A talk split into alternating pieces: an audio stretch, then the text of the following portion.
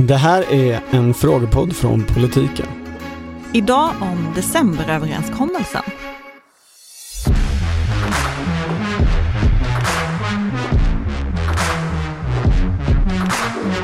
Men det var, jag, jag, du hade en fråga till mig, ursäkta, nu tappade jag bort den. Vi har fått in en fråga till podden. Hej! Jag undrar hur mycket av decemberöverenskommelsen som faktiskt genomfördes har försökt hitta men inte lyckats. Hälsningar Ravn Forsne som är lokal M-politiker från Kungsbacka. Och då vill vi lägga till där att alla partier är välkomna att skicka in frågor till oss. Ja, det har varit många moderater som Men- har frågat va? Det har varit jättemycket, det är supermycket moderater, jag ska säga 95 procent är moderater som hör av sig. Eh, men... För de eh, kan inget. De nej. kan ingenting. Det måste vara så. Men de kan inte googla. Ehm, men eh, det är en jättebra fråga som Rav ställer, men han måste väl mena januariavtalet? Detta trodde jag också först och skrev det lite till Ravn. Eh, du menar kanske januariavtalet och då svarade han väldigt snabbt nej, jag menar decemberöverenskommelsen. Det där är ju intressant för man tänker att det var januariavtalet som innehöll en massa saker och att man skulle kunna följa upp det. Medan decemberöverenskommelsen minns man ju nästan inte vad, ens vad den innehöll förutom att det liksom var en blocköverskridande idé. Vi som står här tillsammans idag, eh, vi är beredda att eh, ta ansvar för att Sverige ska kunna styras. Jag vill passa på och eh, ta tillfället i akt och, och ge ett erkännande till, till Moderaterna, Centerpartiet, Folkpartiet och Kristdemokraterna för konstruktiva samtal som har förts de senaste dagarna.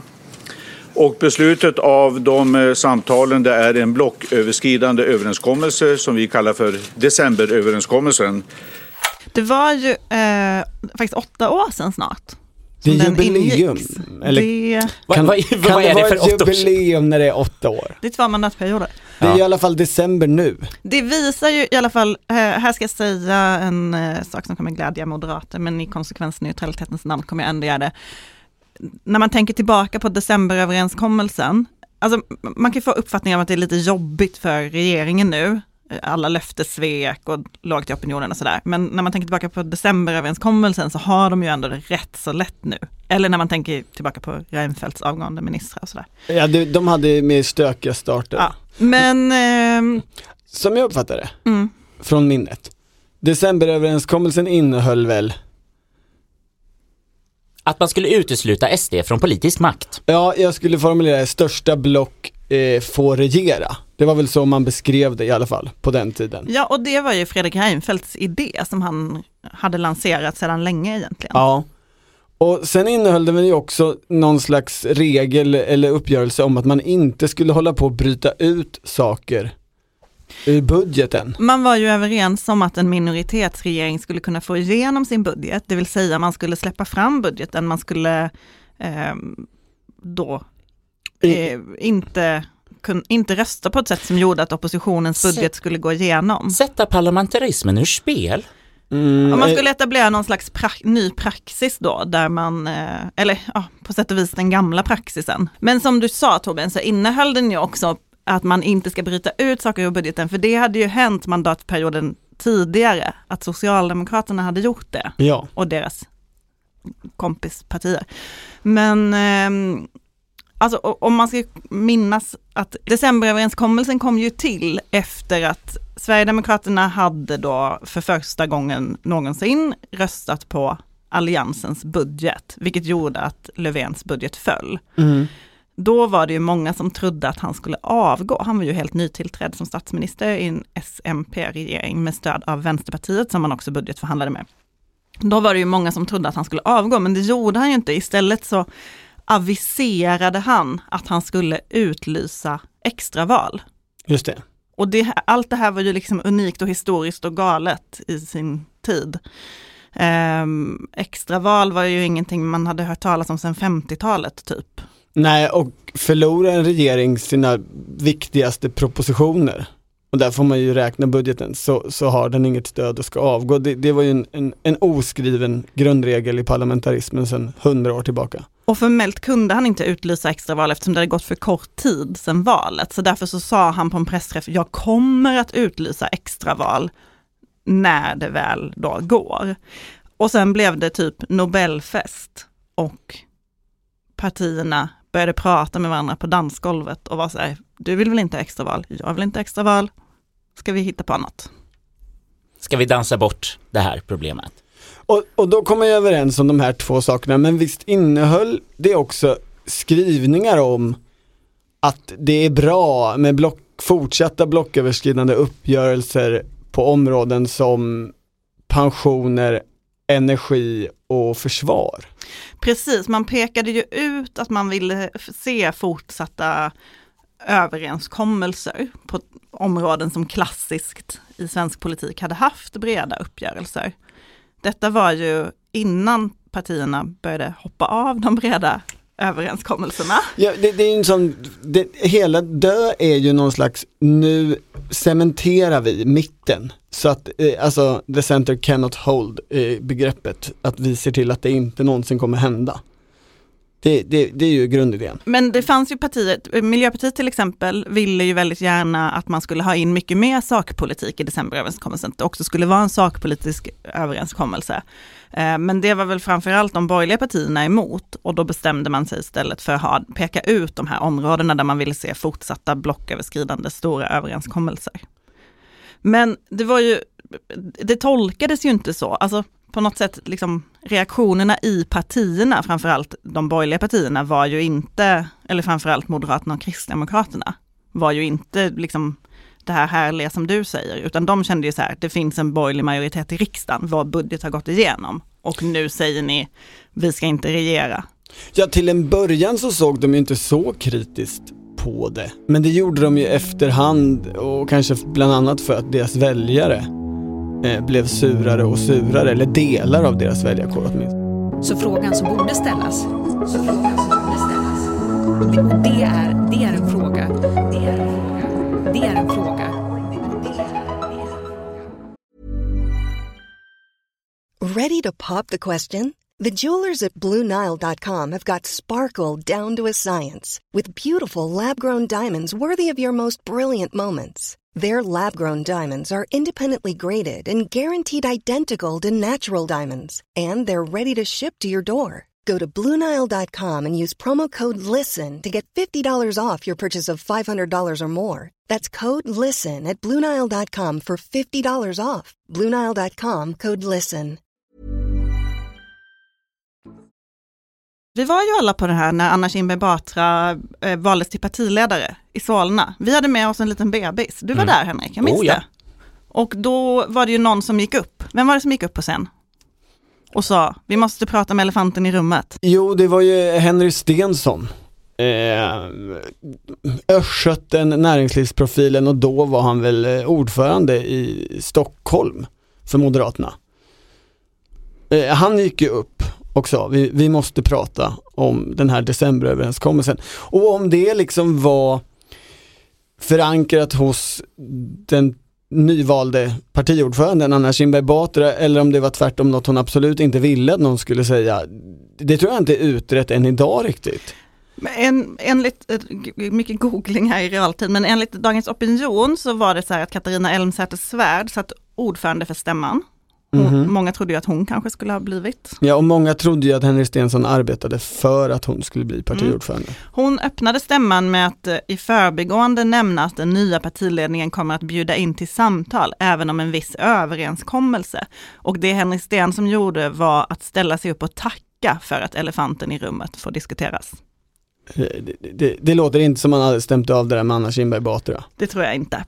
En process startades att decemberöverenskommelsen skulle falla helt enkelt, även ja, inom Moderaterna. Ja, ja det, det fanns ju en sån rörelse, Mm. men det var ju eh, KD Ja, som... det var ju Sara Skyttedal som, är, som är, har ju den här fantastiska egenheten som politiker att ingen hör av henne, ingen vet vad hon gör. Och sen gör hon en eller, grej om året, eller vartannat år till och med. Jag tror det är den frekvensen egentligen. Som blir helt avgörande. Och, och den här var ju det. Tvinga fram tvingade tyckte ju den i det partiet också nya ordföranden Ebba Busch, eller hon ville ju liksom inte supporta detta. Men där var det nog avstämt, har väl historien slagit fast. Men hon lyckades ju på, på en, en KD-stämma helt enkelt få igenom ett nej till den här överenskommelsen. Och det är från det ett av de partier som absolut hade drivit på det där hårdast från början. Och så sköt hon sin champagnekork i salen. Och det var ju mycket som var så här, det här är en, jag minns att folk var så otroligt upprörda över det där, alltså eh, ganska brett, liksom kulturmänniskor, folk man uppfattar som klassiska liberaler och så här som eh, bara det här är en, bilden av domedagen typ, nu är, går det ut för all politik. Ja, man ansåg det var lite ansvarslöst väl, från, från kritiker. Och osmakligt med den där champagnen. Men Skyttedal har ju sen berättat att olika eh, personer budade hem jätte, jättedyr champagne till henne. Men det var kanske inte Alf Svensson. Men jag Eller- känner att vi nej, har tappat bort, alltså det finns en, som gjorde det. finns en fråga här som vi Ja. inte förhåller oss Ja, men till. jag, jag, det, jag har länge tänkt att vi ska tillbaks till den men, men sen drog ni iväg oss.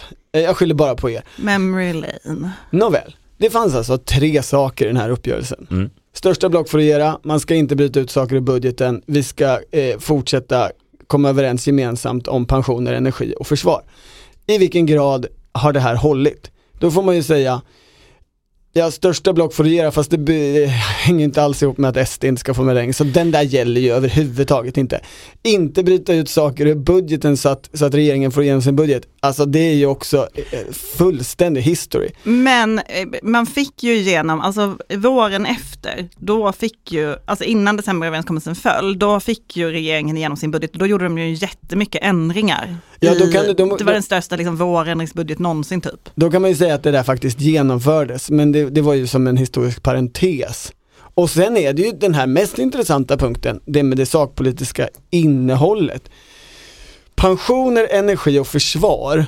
Mm. Eh, försvar kanske inte lika mycket som pensioner och energi, men den här valrörelsen var ju eh, en strid om just de frågorna där Socialdemokraterna valde att nu ska vi ta eh, stor strid om pensionerna eh, understödda av, av Vänsterpartiet eller eh, par- Vänsterpartiet ville samma sak.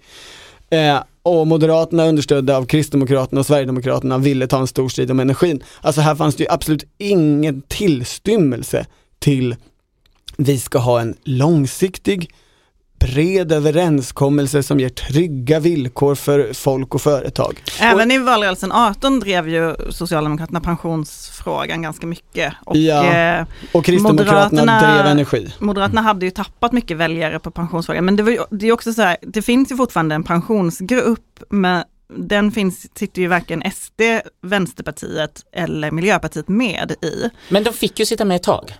När de satt med i regeringen. MP ja. Ja. Och sen mm. fick de inte vara med efter att Nej. de avgick, så åkte de ut ur pensionsgruppen. Eh, trots, de ville gärna vara med men de fick inte.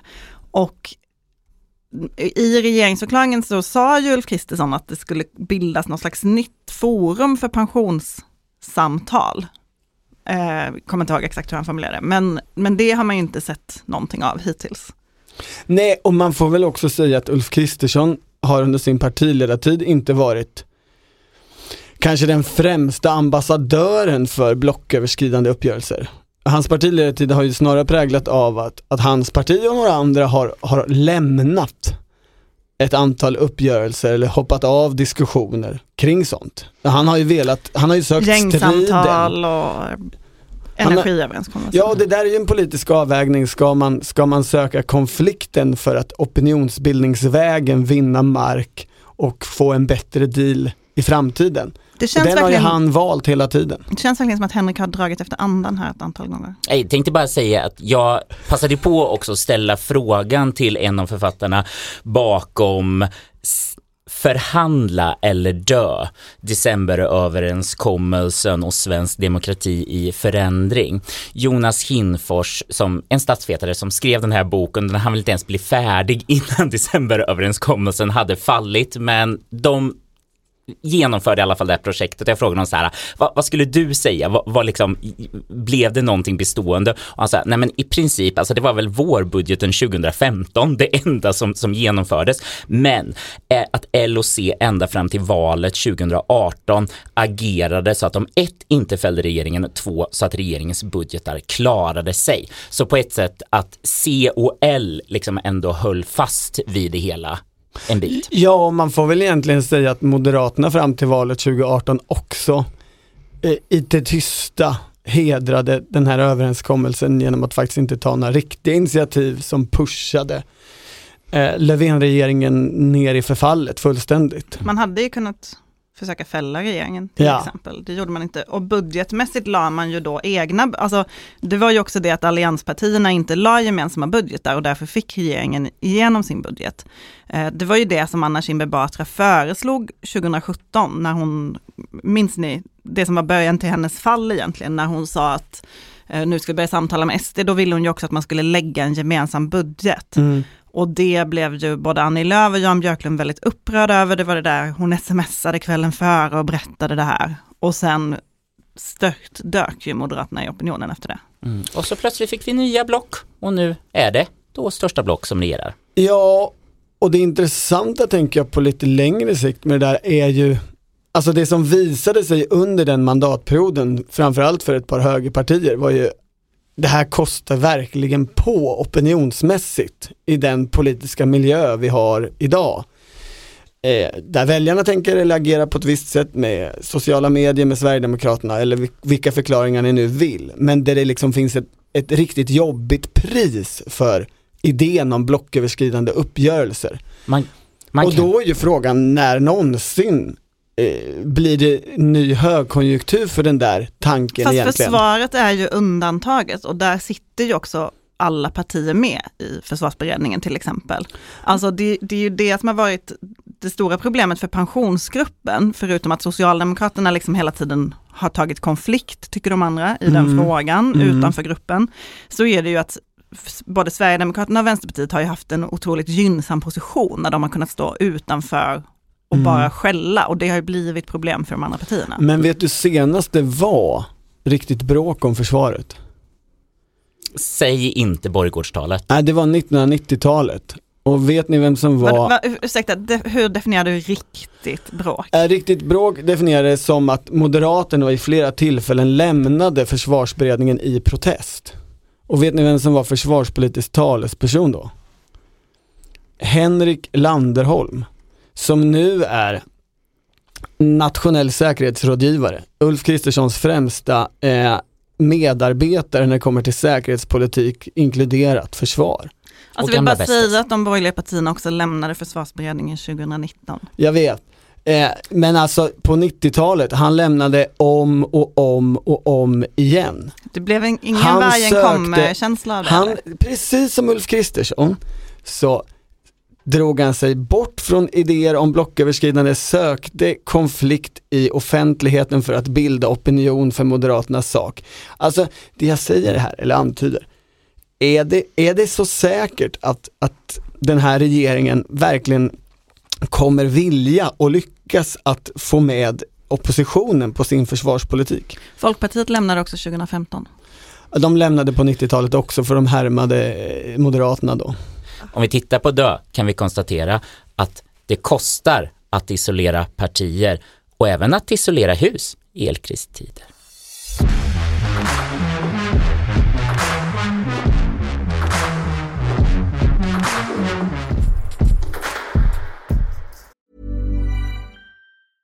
Hey, I'm Ryan Reynolds. At Mint Mobile, we like to do the opposite of what Big Wireless does. They charge you a lot, we charge you a little. So naturally, when they announced they'd be raising their prices due to inflation, we decided to deflate our prices due to not hating you.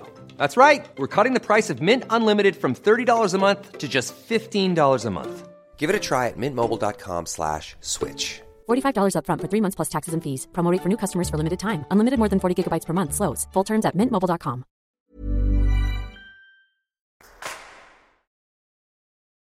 Du har lyssnat på Politiken, en podd från Svenska Dagbladet. Producent Mattias Dellert och ansvarig utgivare Anna Karleborg.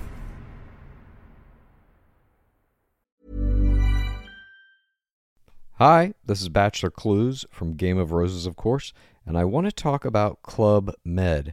Everybody knows Club Med has been the pioneer of the all inclusive resort since 1950, with almost 70 resorts worldwide, ranging from beachside destinations in the Caribbean and Mexico to exotic locations like the Maldives and Morocco, or even the mountain destinations like Japan and the European Alps. Dine on delicious gourmet cuisine, enjoy more than 20 activities, and make memories with your family. For more information, visit clubmed.us or call 1 800 Club Med or your travel advisor.